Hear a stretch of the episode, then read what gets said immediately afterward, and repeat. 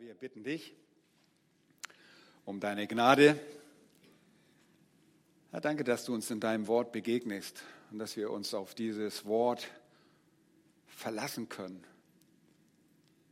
weil es dein Wort ist. Keine Revision erforderlich, keine Erneuerung, keine Ergänzung. Dein Wort ist wahrhaftig, vertrauenswürdig, fehlerlos, irrtumslos.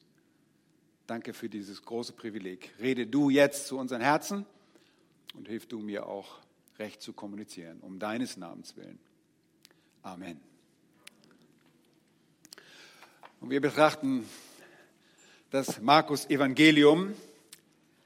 Und das Markus Evangelium ist der Bericht über den irdischen Dienst des Herrn Jesus Christus bis zu seiner Auferstehung wie ihn uns Johannes Markus mit seinen Schwerpunkten und mit dem Apostel Petrus als seinen Hauptinformanten an eine primär römische Zuhörerschaft geschrieben hat. Und wir betrachten dieses Evangelium seit, ich weiß es nicht wie vielen Monaten, aber zumindest das letzte Jahr. Und äh, wir sind sehr dankbar dafür, was wir aus den Dienstjahren des Herrn Jesus Christus erfahren und lernen durften. Und wir haben die Dienstjahre Jesu gewissermaßen in einem Eiltempo durchlaufen, äh, weil das Markus-Evangelium so aufgebaut ist. Nicht, weil ich so schnell bin, sondern weil das Markus-Evangelium diese ersten Kapitel besonders schnell durchgeht und jetzt wird es ein bisschen detaillierter und langsamer. Jetzt zum Ende von Kapitel 10 sehen wir und widmen wir uns dem letzten Dienst Jesu in Jericho vor dem Einzug nach Jesu nach Jerusalem.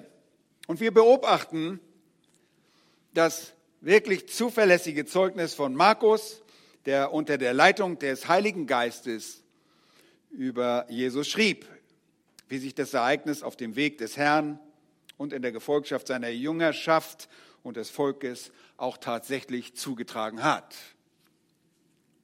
Und wir lesen hier über den Dienst des Herrn, der, wie wir im Text zuvor vernommen haben, gekommen war, um zu dienen. Ihr erinnert euch an diesen wunderbaren Vers, der auch oft als Schlüsselvers bezeichnet wird, dass der Sohn des Menschen gekommen ist, sich nicht bedienen zu lassen, sondern selber zu dienen und sein Leben zu geben als ein Lösegeld für viele. Hier sehen wir diese Wahrheit exemplarisch dargestellt. Er dient einem Bettler und den Jüngern dient er damit mit diesem Text zu allen Zeiten. Lasst uns den Text aus Johannes, Markus Johannes, Markus Kapitel 10 und ab Vers 46 lesen. Markus 10 ab Vers 46. Und sie kommen nach Jericho und als er von Jericho auszog, samt seinen Jüngern und einer großen Volksmenge, saß ein Sohn des Timäus, Bartimäus, der Blinde, am Weg und bettelte. Und als er hörte, dass es Jesus, der Nazarener war, begann er zu rufen und sprach, Jesus, du Sohn Davids, erbarme dich über mich. Und es geboten ihm viele, er solle schweigen. Er aber rief noch viel mehr, du Sohn Davids, erbarme dich über mich. Und Jesus stand still und ließ ihn zu sich rufen. Da riefen sie den Blinden und sprachen zu ihm, sei getrost, steh auf, er ruft dich. Er aber warf seinen Mantel ab, stand auf und kam zu Jesus. Und Jesus begann und sprach zu ihm, was willst du, dass ich dir tun soll? Der Blinde sprach zu ihm, Rabuni, dass ich sehend werde. Da sprach Jesus zu ihm, geh hin, dein Glaube hat dich gerettet. Und sogleich wurde er sehend und folgte Jesus nach auf dem Weg. Und was für eine wirklich wunderbare Geschichte, die vor allem in den Kleinkinderstunden unserer Gemeinden besonders beliebt ist. Nun, aber sie hat unser aller Aufmerksamkeit verdient. Diese Erzählung findet in einer der ältesten Städte der Menschheit statt, in Jericho. Es ist eine Stadt, die sich circa 25 Kilometer nordöstlich von Jerusalem befindet. Sie ist uns aus einigen Ereignissen des Alten Testaments bekannt, besonders auch durch den Beginn der Landeinnahme durch das glaubende, damals noch glaubende Volk Israel. Und das alte Jericho besteht nicht mehr. Und es wurde in der Gegend dort in den letzten beiden Jahrhunderten, vor allen Dingen im 20. Jahrhundert, viel Archäologie betrieben. Ich selbst habe dort äh, eine gewisse Zeit in Jericho verbracht und habe mir die alten Mauerwerke angeschaut und man hat mir gesagt, dies wäre die Mauer, die eingestürzt ist bei der Landeinnahme. Nun, das alte Jericho wurde äh, sehr untersucht. Die deutschen Archäologen äh, Ernst Selin und Karl Watzinger sowie der britische Archäologe und Altertumsforscher John Garstang, seine Landsmännin Kathleen äh, Kenyon, haben herausgefunden, dass das alte Jericho nicht unter dem neutestamentlichen Jericho lag, sondern daneben. Und in, es gibt also ein neutestamentliches Jericho, in dem vor allen Dingen auch Herodes sehr aktiv war. Herodes hatte dort selbst auch eine Winterresidenz. Das Klima ist dort wunderschön. Im Sommer schon sehr heiß, dann hat er sich meistens auch verzogen, aber im Winter war es seine, Winter, seine Winterresidenz. Ja, und er ging im Winter dorthin, weil das Klima einfach sehr mild ist. Also diese beiden äh, Jericho, das alttestamentliche Jericho und das neutestamentliche nahelegen äh, oder liegen nebeneinander. Und so äh, erklärt sich auch der scheinbare Widerspruch, der sich ergibt, wenn man die Synoptiker miteinander vergleicht in dieser Geschichte.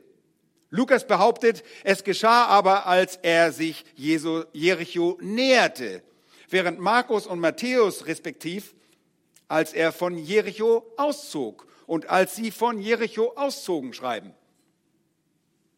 Und da sehen manche sofort einen Widerspruch und die Bibelkritiker denken, ein gefundenes Fressen. Aber während Jesus mit der Gefolgschaft aus dem alttestamentlichen Jericho auszog und sich dem neutestamentlichen Jericho näherte, ist die jeweilige Perspektive von Matthäus, Markus und Lukas. Also kein Widerspruch, sondern nur eine andere Perspektive. Die Ereignisse sind überaus interessant und sie zeigen uns auf, warum kein Mensch an Jesus Christus vorbeikommen kann, um Erlösung zu erfahren. Diese Ereignisse sind mehr als nur interessant. Sie enthalten lebenswichtige Wahrheiten, die kein Mensch an keinem Ort und zu keiner Zeit ignorieren kann. Und wenn ich sage kein Mensch, dann auch du nicht. Du kannst es nicht ignorieren. Die Ereignisse dieser Verse 46 bis 52 zeigen auf, warum auch du zum Sohn Davids kommen musst wenn es um deine Errettung geht. Und die Gründe dafür möchte ich dir heute Nachmittag persönlich anhand von den drei Hauptpunkten des Textes aufzeigen. Beginnend mit der Tatsache deines eigenen Unvermögens in Hinblick auf deine Errettung. Der erste Punkt. Es gibt kein Heil ohne die Erkenntnis deines eigenen Unvermögens. Kein Heil ohne diese Erkenntnis. Dort in Jericho nun begegnet Jesus auf seinem letzten Weg nach Jerusalem einen Mann, der nicht die Fähigkeit hatte, physisch mit seinen Augen zu sehen. Und ich sagte euch schon vor ein paar, ein paar Monaten, als wir die Heilung des Blinden in Bethsaida uns anschauten, dass physische Blindheit etwas sehr Spezielles ist. Wir können uns den Verzicht des Menschen, menschlichen Augenlichtes nur schwerlich vorstellen und wegdenken. Und auch wenn wir denken, dass Blinde oder nicht denken müssen, dass Blinde sich niemals zurechtfinden könnten, weil sie auch sehr anpassungsfähig und lernfähig sind, so gibt es in ihrem Leben dennoch immer sehr große Herausforderungen, mit denen wir uns schwer tun, diese zu verstehen. Wenn wir als äh, normalsichtige Blindheit simulieren und mal einen Augenblick die Augen zumachen und so rumlaufen, dann begeben wir uns sehr schnell in große Gefahr. Manche von euch kommen mit einer Beule am Kopf wieder zurück, äh, wenn sie sowas mal ausprobieren. Aber blinde Menschen kommen mit diesen Dingen gewöhnlich sehr schnell zurecht und längst sind sie nicht so großer Gefahr ausgesetzt, wenn du und ich mal einen Tag blind herumlaufen wollen. Sie haben es gelernt, sich auf andere Sinne zu konzentrieren, die uns wichtiger sind, die uns unwichtiger sind, als es für sie sind.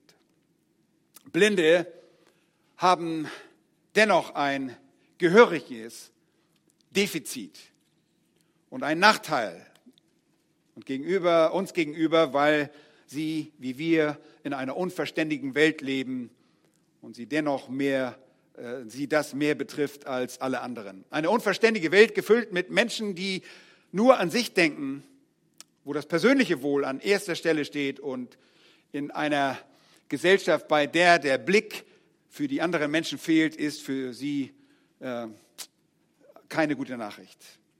In einer solchen Welt geht es kranken Menschen, besonders blinden Menschen, nicht gut. Sie sind Teil der Gesellschaft, werden aber in selbstbezogenen Gesellschaften schnell als Außenseiter gesehen und missachtet. Und wir versuchen das in Deutschland sicherlich auch richtig anzugehen, aber auch unsere Gesellschaft ist egoistisch ausgerechnet, denn ohne Gott ist der Mensch egoistisch. Blinde werden nur selten recht in das Leben eingebunden und zum Teil werden sie wie Aussätzige behandelt. Ja, sie haben dieses riesige visuelle Defizit, das Sehen, das uns so viel bedeutet im Leben. Und das, für das wir auch, ihr Leben, wirklich sehr dankbar sein können. Aber größer als das ist dieses Defizit in ihrem Leben in Zusammenhang mit einer verständnislosen und unsensiblen Gesellschaft um sie herum. Sie kommen mit dem Nichtsehen zwar sehr gut zurecht, können aber immer sehr schwer verletzt werden, wenn wir dumm von ihnen denken. Ihr Lieben, blinde Menschen in unserer Gesellschaft sind normale Menschen. Und weil sie blind sind, können sie sich nicht, können sie auch nicht besser hören oder besser riechen Sie können nicht alles herausschnüffeln und sie können auch nicht alles hören, was man hinter Mauern sagt. Das ist ein Mythos. Nun, zu Lebzeiten Jesu hatte diesen blinden Menschen es besonders schwer. Sie waren Außenseite der Gesellschaft, besonders weil sie auch das, ein Stigma der Bestrafung durch eine Gottheit trugen. Bei den Juden war das offensichtlich so der Fall, dass man Blinde als unter der Strafe Jahwes Stehende betrachtete. Das Konzept der Einheit von Körper und Seele existierte offenbar im Judentum. Beide Körper und Seele, so glaubte man, bedingten einander. Man sagte, eine schlechte und eine sündige Seele würde dem Körper schaden und würde in vielen Fällen auch Blindheit erzeugen. Genauso umgekehrt, ein kranker Körper könnte nicht das wirksame Instrument sein, durch das eine reine Seele handeln könnte. Nun, so ein falsches Denken, obwohl es ein bisschen Wahrheit daran ist, aber eigentlich so ein falsches Denken war einfach nur niederschmetternd, denn das Resultat war, dass die Betroffenen selbst begannen daran zu glauben, dass sie von Gott bestrafte äh, sind. Sollte Jahwe Gott sie mit Blindheit strafen? Nun, die Menschen um Bartimäus herum waren überwiegend rücksichtslos und als Bettler am Straßenrand sitzen, wurde er von dem Volk weitgehend missachtet. Hin und wieder äh, war er auf gelegentliches Wohlwollen einiger Menschen angewiesen, eine Spende angewiesen oder das Versorgen durch eigene äh, Angehörige. Sein physisches Problem ließ ihn in mancherlei Hinsicht sein immer präsentes Unvermögen erkennen. Und so manches Mal im Leben, so manches im Leben blieb ihm einfach vorenthalten. Und jetzt in unserer Geschichte sitzt er dort am Straßenrand, am Weg und geht seiner Lebensaufgabe nach. Er bettelt. Und er bettelt sein Lebensunterhalt zusammen, denn er braucht Nahrung und Kleidung und muss sich auf diese demütige Art und Weise versorgen lassen. Und er wusste um sein Schicksal und musste sich wohl oder übel damit abfinden. Aber Bartimäus, der Sohn des Timäus, Bar im Aramäisch ist Sohn des Timäus, der Bartimäus, war blind, aber er war nicht taub. Und er war auch nicht stumm. Und er war auch nicht allein in dieser Situation. Matthäus berichtet von einem Kumpan, der das Elend mit ihm teilte. In Matthäus 20, dem Parallelbericht und in Vers 29 lesen wir, und siehe, zwei Blinde saßen am Weg. Als sie hörten, heißt es dort, so fängt es an, sie hörten beide. Markus und Lukas konzentrieren sich in ihren Evangelien auf den namentlich bekannten Mann, nämlich Bartimäus der vielleicht dem Petrus und auch dem Johannes Markus mit Namen oder persönlich vertraut war und deshalb auch nur im Markus-Evangelium mit Namen angeführt wird. Er hatte am Wegesrand dieser wichtigen Reiseroute, der Route, die sich den aus dem Osten nähernden Jerusalem-Pilgern bot, so einiges vernehmen können. auf diesem Wege wurden ihm vermutlich Dinge, Wahrheiten über den herumwandernden Nazarener bekannt, dem Rabbi, dem Meister, der, wo immer er hinkam, diese übernatürlichen Wunder tat, sodass viel Volk schon allein deswegen in Aufregung war. Ja, ihm blieb nicht verborgen, was über diesen Mann aus Nazareth gesagt wurde was dieser Mann aus Nazareth lehrte. Und es ist erstaunlich, wie ein Bartimäus und sein Kumpane äh, genauso schlussfolgern kann. Er sieht, ich bin hier ohnmächtig, in dem Dunkel meines Lebens gefangen und da draußen reist ein Lehrer umher, der alle Macht besitzt, der offenbar den prophetischen Vorgaben des Tenachs, des Alten Testaments, in Hinblick auf den Messias gerecht wird und deshalb der kommende König sein muss. Und so setzt Bartimäus alles daran, an Jesus, den Sohn Davids, heranzukommen. Er hat ein Anliegen und dafür musste er an Jesus herantreten. Aber das könnte sich als schwierig herausstellen, denn die Straßen waren in diesen Tagen außergewöhnlich voll. Warum? Das Passafest steht vor der Tür. Das Passafest wurde nach den Vorgaben Jahwes, könnt ihr nachlesen, 5. Mose 16, Vers 16, dreimal im Jahr, beziehungsweise das wurde einmal im Jahr gefeiert, aber dreimal im Jahr mussten alle Juden, männlichen Juden vor allen Dingen, nach Jerusalem reisen, um dort das Passa zu feiern. Und so waren die Straßen voll. Woher weiß ich, dass sie so richtig voll waren? Weil Lukas uns noch etwas in Jericho berichtet, was Markus nicht anspricht.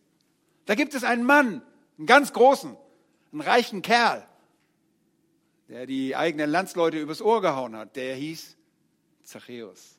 Ein kleiner Knirps, der wollte an Jesus ran, aber er konnte nicht.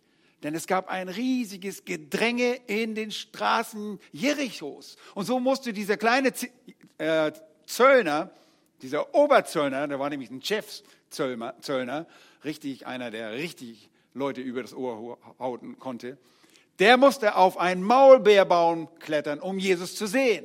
Könnt ihr euch vorstellen, da gab es ein großes Geschiebe.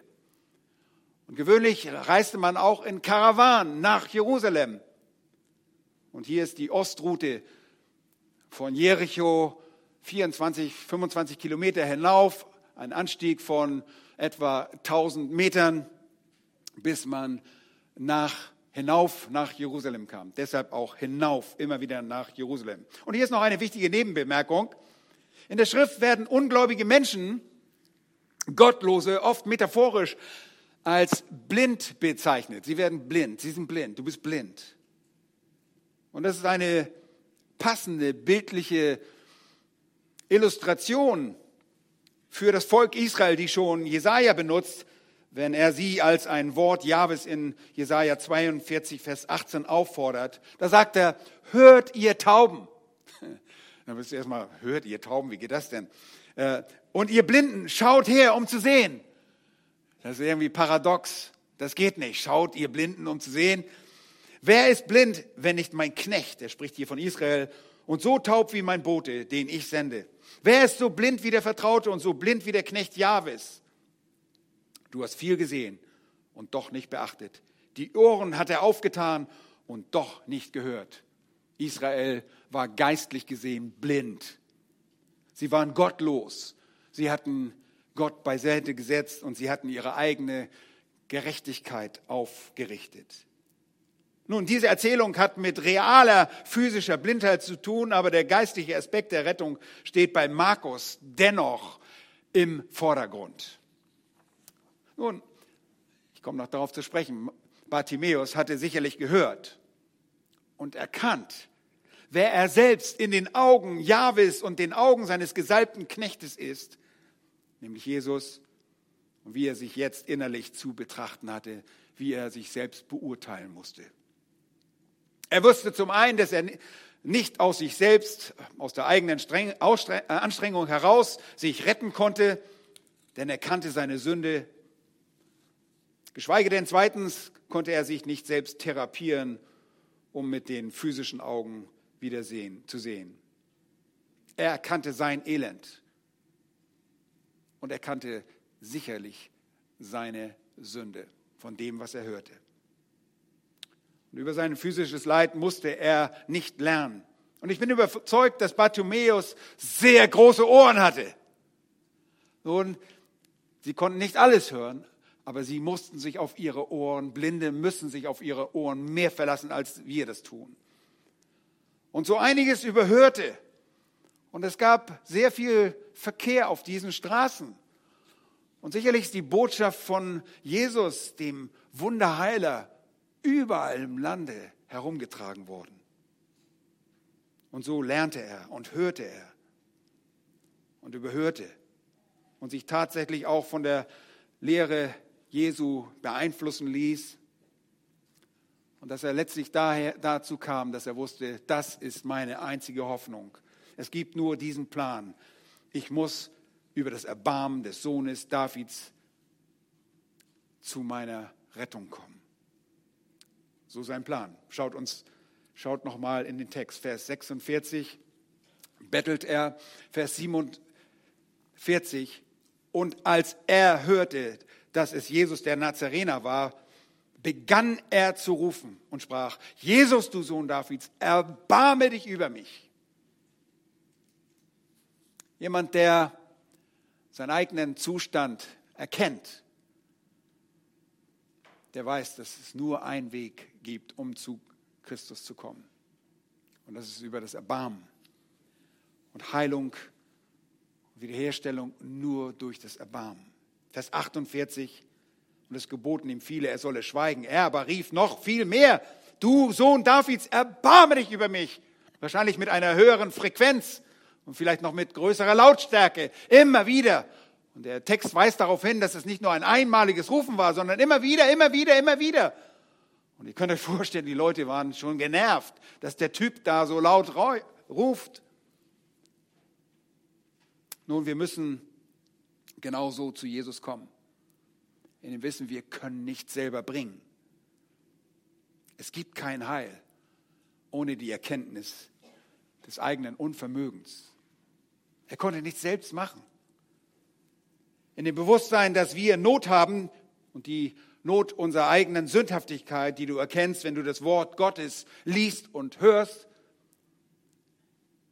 Diese Erkenntnis brauchst du, um gerettet zu werden. Aber das ist nur das Erste. Das Zweite, was wir sehen, ist, es gibt kein Heil ohne den sich erbarmenden Sohn Davids. Bartimäus wusste, ihm konnte nur geholfen werden, wenn der Sohn Davids sich seiner erbarmte sich seiner Ohnmacht bewusst, fleht Bartimäus nun mit seiner Stimme, genau um diese Barmherzigkeit zu erlangen. Die Barmherzigkeit Gottes spielt, wie ihr sicherlich auch wisst, wenn ihr die Bibel lest, in allen Teilen der Heiligen Schrift eine sehr große Rolle. Lasst mich euch Barmherzigkeit definieren. Was ist Barmherzigkeit? Barmherzigkeit ist die besondere Seite der Liebe Gottes, die nicht nur den Mitleidsgefühlen für das Elend und die Erbärmlichkeit der Elenden bestimmt wird, sondern bei der Jahwe auch angetrieben wird, das Mitleid durch aktive Hilfe zu erweisen. Also es ist nicht nur ein Gefühl, ein Mitleidsgefühl, sondern eine aktive Hilfe, die, die aus diesem Mitleidsgefühl entsteht. Das ist Barmherzigkeit. Das Erweisen von Gnade ist Barmherzigkeit. Gott in seiner Barmherzigkeit schafft deshalb auch dem Sünder, dem elenden Sünder Errettung. Und der Appell von Bartimäus an den Sohn Davids geschieht nicht etwa privat oder in einem äh, kleinen Kämmerlein seines Wohnhauses, sondern der Sohn des Timäus begann in aller Öffentlichkeit zu rufen. Und dabei wird er, wie ich sagte, zum Ärgernis, zum Anstoß für viele aus dem übrigen Volk, vielleicht den anderen Jüngern. Ihr erinnert euch, was sie im Kopf haben. Es geht nach Jerusalem, Juche. Wir werden bald die Mächtigen sein, die an der Seite Jesus sein. Da können wir nicht so jemanden wie diesen Bartimäus gebrauchen. Nun, sicherlich war diese Volksmenge ihm auch eine physische Bedrohung, um selbst aufstehen zu können und auf Jesus zu, auf ihm zuzugehen. Die Menschenmenge hätte ihn gewiss umgerannt. Denkt nur noch mal an Zachäus. Zachäus musste auf einen Baum steigen. Im Psalm 42 schreiben die Söhne Koras davon, dass sie in einem Gedränge sind auf dem Weg zum Haus Gottes. Diese Feste wurden sehr gut besucht. Und so war es für ihn gefährlich. Und sie gebieten ihm, bedrohen ihn sogar. Das Wort ist ein Bedrohen, ihn zu schweigen. Aber wisst ihr was? Das war zwecklos. Man hätte, ihm schon den Maulkorb geben müssen, aber er ließ sich nicht davon abbringen. Sein Rufen war nicht ein einmaliges, zaghaftes Bitten, sondern ein wiederholendes, durchdringendes Rufen. Und das ließ, sich, äh, ließ er sich auch nicht verbieten. Hier war seine einzige Chance. Hier ist seine einzige Chance. Jesus, du Sohn Davids, erbarme dich über mich. Und woher hatte er diese Zuversicht, dass Jesus sich erbarmen würde? Nochmals, sicherlich hatte er von den Heilungen des Herrn gehört. Denn was tat Jesus? Überall, wo er hinkam, heilte. Er heilte. Das musste bereits an seine Ohren gestoßen sein. Überall im Land Judäa und außerhalb Judäas und äh, Galiläas war bekannt, dass Jesus Menschen heilen konnte. Es ist sogar fast verwunderlich, dass Bartimäus noch blind ist. Aber er hatte sicherlich davon gehört. Und Bartimäus sah in Jesus offenbar nicht nur einen gewöhnlichen Menschen, nicht einen normalen jüdischen Lehrer, einen Gesetzeshüter des Judentums, er rief auch nicht Jesus, sondern er sah in Jesus den verheißenen Sohn Davids, den größeren Sohn Davids, der die Erfüllung alttestamentlicher Prophetien verkörperte. Und als solcher spricht er ihn an, als solchen ruft er ihn. Dabei ging es Bartimäus nicht darum festzustellen, wenn er Sohn Davids sagt oder auszudrücken, dass Jesus der Nazarener in dem Stammbaum des König Davids zu finden ist. Darum ging es ihm nicht. Nein, er verstand unter der Begrifflichkeit Sohn Davids, wie die Juden es bis zum heutigen Tag auch tun, einen messianischen Titel. In den zweiten Samuel 7 wird dem David eine ewige Königherrschaft versprochen. Und da es nicht David selbst sein kann, da er nicht der ewige irdische König ist, muss es der größere David, der Messias sein. Und der davidische Bund würde einen größeren König, einen größeren König garantieren, dem ein ewiges Königreich versprochen wurde. Dem irdischen David wurde das versprochen. Wie viel er von diesem messianischen Titel verstand, was er darunter verstand, das wissen wir nicht. Er war aber anscheinend, es war aber anscheinend genug, dass Bartimäus sich in seinem erbärmlichen Zustand, in dem er sich befand, an den Sohn Davids zu wenden wusste. Ihr Lieben, hier taucht dieser Titel zum ersten Mal auf. Es ist nicht so, niemals so von den Pharisäern oder von den Schriftgelehrten angesprochen worden, sondern von Bartimäus hier. Aus Psalm 146 und Vers 8 hätte er vielleicht gewusst, Jahwe macht die Blinden sehend, Jahwe richtet die Elenden auf, Jahwe liebt die Gerechten. Und vielleicht wusste Bartimäus auch schon einiges über König David. Denn David war schon sehr populär und ist populär. Und David selbst war nicht nur selbst Empfänger der Gnade Gottes geworden, sondern er, der große König Israels, erwies auch Gnade. Er verübte sogar Barmherzigkeit an einem Krüppel. Nun, welche Gelegenheit? Wie viel mehr, so denkt sich Bartimäus wahrscheinlich, wie viel müsste, wie viel mehr müsste wohl der größere Sohn Davids, den David selbst sein Herrn nennt, barmherzig sein, wenn schon David barmherzig ist? Nun, worauf beziehe ich mich? wenn ich von diesem speziellen Gnadenerweis Davids spreche. Einige von euch wissen es schon, im zweiten ähm, Samuel Kapitel 9, also wenig später nach dem Davidischen Bund, lesen wir, das sind Ereignisse nach dem Tod von König Saul und äh, seinem Sohn Jonathan, lesen wir in 2 Samuel 9 und Vers 3. Und der König sprach und fragt, ist noch jemand da vom Haus Sauls, dass ich Gottes Gnade an ihm erweise? Ziba, das ist der Knecht Sauls, sprach zum König, es ist noch ein Sohn Jonathans da, der lahm an den Füßen ist. Und wie hieß dieser Lahme, wisst ihr das? Mephiboset. Ja, das ist Nephiboset. Mephiboset. Und David lässt diesen Mephiboset rufen, ähnlich wie der Sohn Davids, wie äh, Jesus in unserer Erzählung Bartimäus ruft.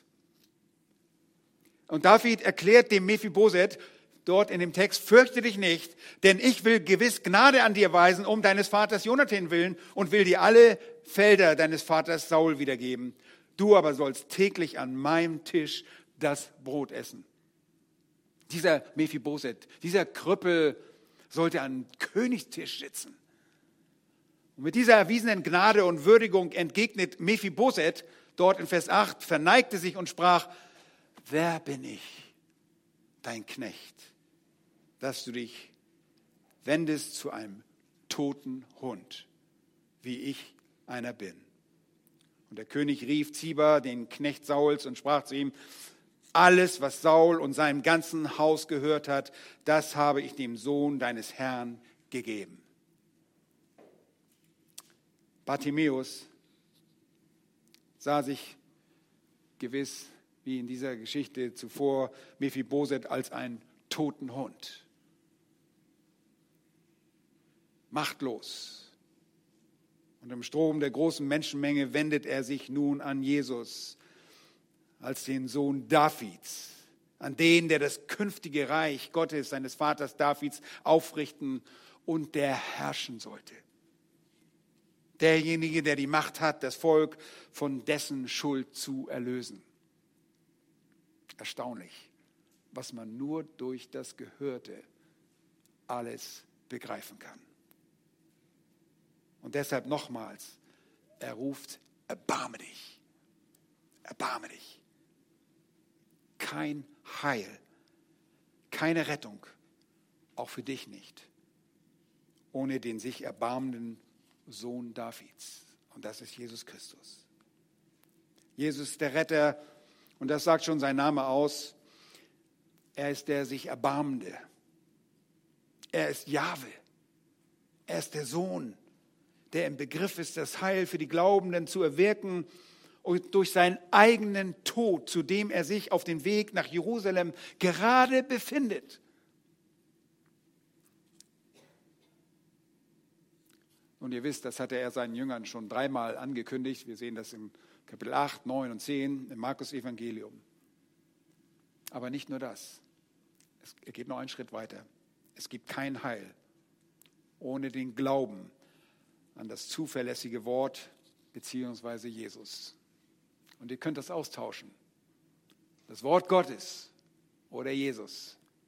Kein Heil ohne den Glauben an das zuverlässige Wort das von Jesus gesprochen ist. Es ist das Wort des Christus. Bartimäus glaubte an das, was er hörte. Und er glaubte Jesus. Und das ist zum einen, was Gott erwartet, ihn ehrt und erfreut. Und das ist es zum anderen, was Bartimäus antrieb.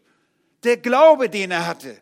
Ihr Lieben, wenn wir den Text lesen, dann stellen wir fest, dass Markus sein Augenmerk nicht auf diese wunderbare Heilung an sich legt und dass Bartimäus hinterher sagt, oh, ich kann alles sehen und es ist ja wunderbar scharf und äh, meine Augen sind ganz klar und kein Wort davon. Er ging fort sehend, aber er weist auf den begleitenden Glauben des Bartimäus hin.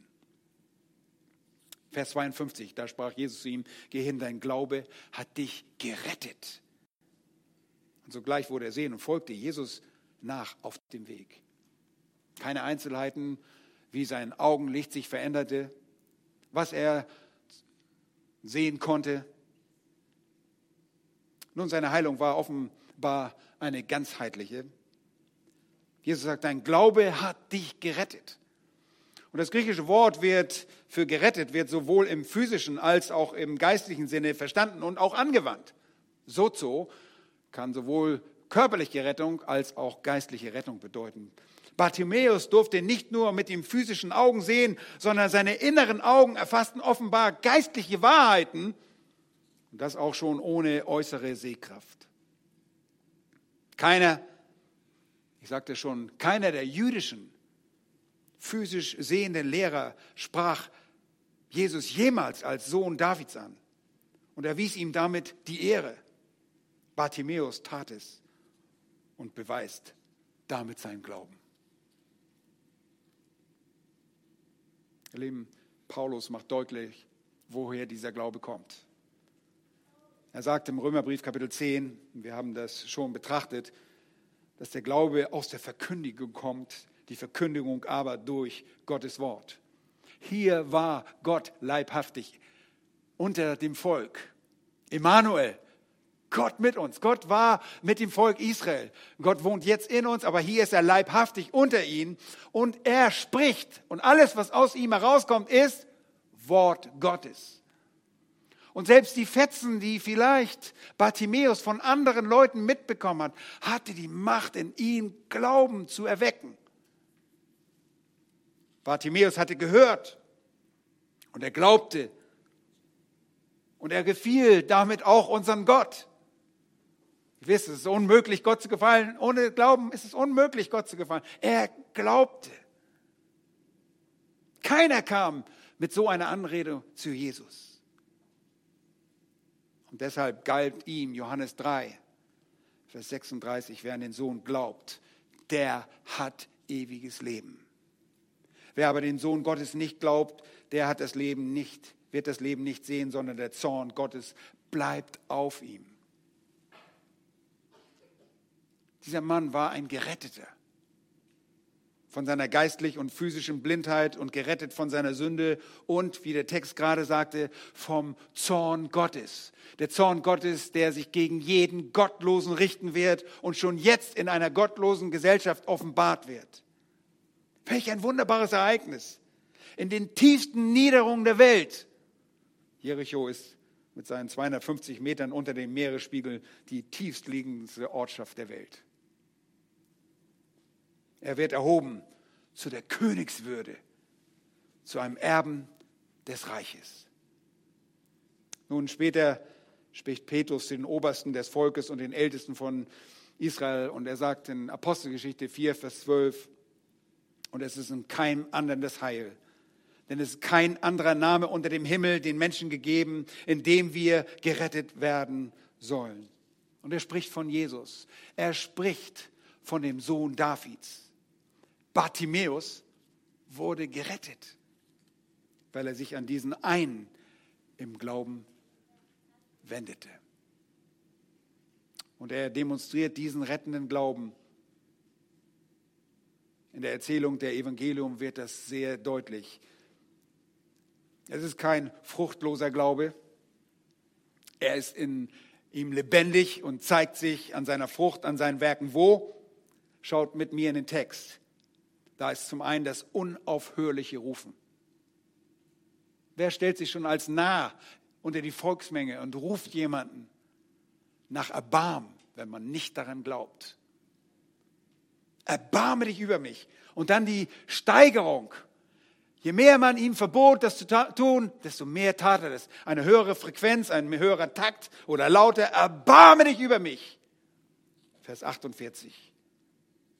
Und das erinnert mich jetzt gerade an Hebräer 11 und Vers 1, wo es heißt, aber der Glaube ist eine feste Zuversicht, ein Beharren ist das Wort dort, auf das, was man hofft, eine Überzeugung von Tatsachen, die man nicht sieht. Er konnte nicht sehen, aber er vertraute darauf. Man konnte ihn nicht davon abbringen. Das bewies sein Glauben. Dann war da das Zügige Kommen zu Jesus. Man fordert ihn auf, oh, der Herr ruft dich. Und das ist interessant, der Herr ruft ihn, der Herr hört ihn. Der Herr hätte ihn auch gehört, wenn er ganz leise gemurmelt hätte, aber der Herr hörte ihn. Und sie sagen, hey, der Herr ruft dich, komm. Und auf einmal sind sie alle Liebkind, oh ja, komm, der Herr ruft dich. Und er warf seinen Mantel ab, sein Obergewand, stand auf und kam zu Jesus. Das lässt er sich nicht zweimal sagen. Sofort, augenblicklich reagiert er. Und sein Obergewand, das, was ihm in den kälteren Monaten vielleicht warm hält. Und äh, ich habe mir gerade eine Predigt von Thomas Westermann angehört zu diesem Text. Er sagt, möglicherweise waren da noch ein paar Spenden drin in diesem Mantel. Die lässt er einfach liegen, war alles unwichtig. Jetzt war sein Fokus auf Jesus gerichtet. Er lässt sich diese Aufforderung nicht ein zweites Mal sagen. Sein Glaube wird offensichtlich in dem Aussprechen seines Herzenswunsches. Glaubt ihr das? Wenn du dir irgendwas wünschst, du gehst zu irgendjemandem und sprichst etwas aus, was derjenige oder diejenige nicht erfüllen kann, du stellst dich wie ein Idiot dar. Aber hier kommt Bartimäus.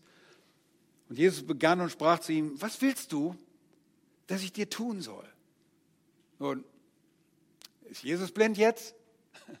Nein, Jesus möchte, dass Bartimäus seinen Glauben zum Ausdruck bringt. Und der Blinde sprach zu ihm, Rabuni, dass ich sehen werde. Das Aussprechen seines Herzenswunsches spricht von seinem Glauben inmitten dieser Menge. Jesus wollte offenbar, dass Bartimäus seinen Glauben artikuliert. Was spricht noch von seinem Glauben? Die ehrfürchtige Anrede. Nicht nur Sohn Davids, sondern Rabuni. Nun, das ist nicht die gewöhnliche Art und Weise. Normalerweise spricht man von den jüdischen Lehrern als Raf oder Rabbi. Aber hier ist Rabuni. Bartimäus spricht ihn in aller Ehrfurcht an. Das ist aramäisch. Die aramäische Form, die ehrfürchtige Form von Rabbi war die ehrfürchtigere, eine Steigerung von Rabbi war Rabuni. Mein Lehrer, mein Meister. Und diese Anrede lässt auch erahnen, dass Jesus schon sein Lehrer war, dass er sich gerne von ihm belehren lassen wollte, indem er die Worte und die Lehren am Straßenrand durch andere Menschen, denen er begegnete, lernte. Das zeigte seinen Glauben. Und dann natürlich offenbart Jesus diesen Glauben. Keiner konnte das von außen sehen, dass er wirklich glaubte. Aber in Vers 52 sprach Jesus zu ihm, geh hin, dein Glaube hat dich gerettet. Und sogleich wurde er sehen und folgte Jesus nach auf dem Weg. Erst durch Jesus erfahren wir das Glaubensmotiv, was hinter all dem steht. Ah, ich will einfach nur sehen. Ich will am Leben teilnehmen. Es ging ihm um Jesus. Und das sehen wir in der Bereitschaft, was zu tun, ihm zu folgen. Vers 52. Er wurde sehend und folgte Jesus nach auf dem Weg. Und wir haben mehrmals darüber gesprochen, die Aufforderung, zu Jesus zu kommen, ist nicht nur, dass du glaubst, sondern dass du nachfolgst. Bartimäus war augenblicklich bereit, dem Herrn zu folgen. Und wie wunderbar ist unser Herr. Er erbarmt sich auch deiner, wenn du ehrfürchtig zu ihm kommst. Und ich musste bei der Vorbereitung dieser Texte so oft an die Bergpredigt Jesu denken. Und dort in Kapitel 5, Vers 3 sagt Jesus, glückselig, Makarios, das heißt Glückseligkeit, das heißt gerettet sind. Eine Glückseligkeit, eine Freude, die die Rettung bedeutet, sind die geistlich arm, denn ihrer ist das Reich der Himmel. Diese geistliche Armut zu erkennen, so wie Bartimäus wusste, ich kann nirgendwo hingehen, außer zu Jesus. Er muss sich meine erbarmen. Glückselig sind die geistlich Armen, denn ihrer ist das Reich der Himmel. Er erkannte seine Armut und kam zu Jesus. Glückselig sind die Trauernden. Was für eine Trauer, dass wir jemanden verloren haben? Nein, die Trauer über deine eigene Sündhaftigkeit, denn sie sollen getröstet werden. Und dann heißt es, glückselig sind die Barmherzigen, denn sie werden Barmherzigkeit erlangen. Es ist so wunderschön zu sehen, wie unser Herr Jesus Christus sich erbarmt. Und ihr Lieben, wenn du nicht weißt, wer du bist, oder du denkst, du bist immer noch ein toller Mensch, dann muss ich sagen, du kennst dich noch nicht so sehr gut. Und ich fordere dich auf, in der Schrift zu lesen, was Gott von dir denkt. Nicht, was andere von dir denken, und du kannst nach außen hin immer gut dastehen. Das, was Gott von dir denkt, ist entscheidend. Und Gott sagt, da ist keiner, der meine Herrlichkeit erreicht. Sie sind alle Sünder. Wir haben das aus dem Römerbrief so deutlich gehört. In Kapitel 3 sind allzumal Sünder und wir mangeln der Herrlichkeit, die wir vor Gott haben sollten. Gott ist der herrliche Gott und wir kommen und reichen mit unserem Leben niemals daran. Wir kommen nicht mal irgendwo in die Nähe.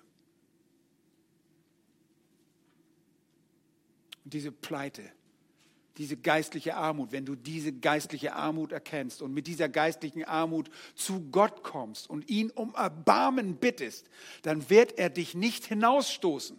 Egal wer du bist, egal was du getan hast, egal wie tief du in den Dreck hineingegangen bist, Gott erbarmt sich, wenn du aufrichtig zu ihm kommst und ihm glaubst. Ohne Glauben kannst du Gott nie gefallen. Und dazu möchte ich dich heute Nachmittag aufrufen, wenn du Herrn Jesus nicht kennst.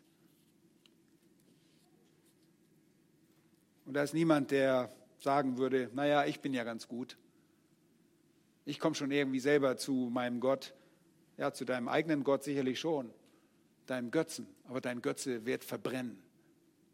Aber zum lebendigen Gott kannst du nur kommen durch Jesus Christus. Und Jesus sagt es selber im Johannesevangelium, in Kapitel 14, ich bin der Weg, die Wahrheit und das Leben. Niemand kommt zum Vater als nur durch mich.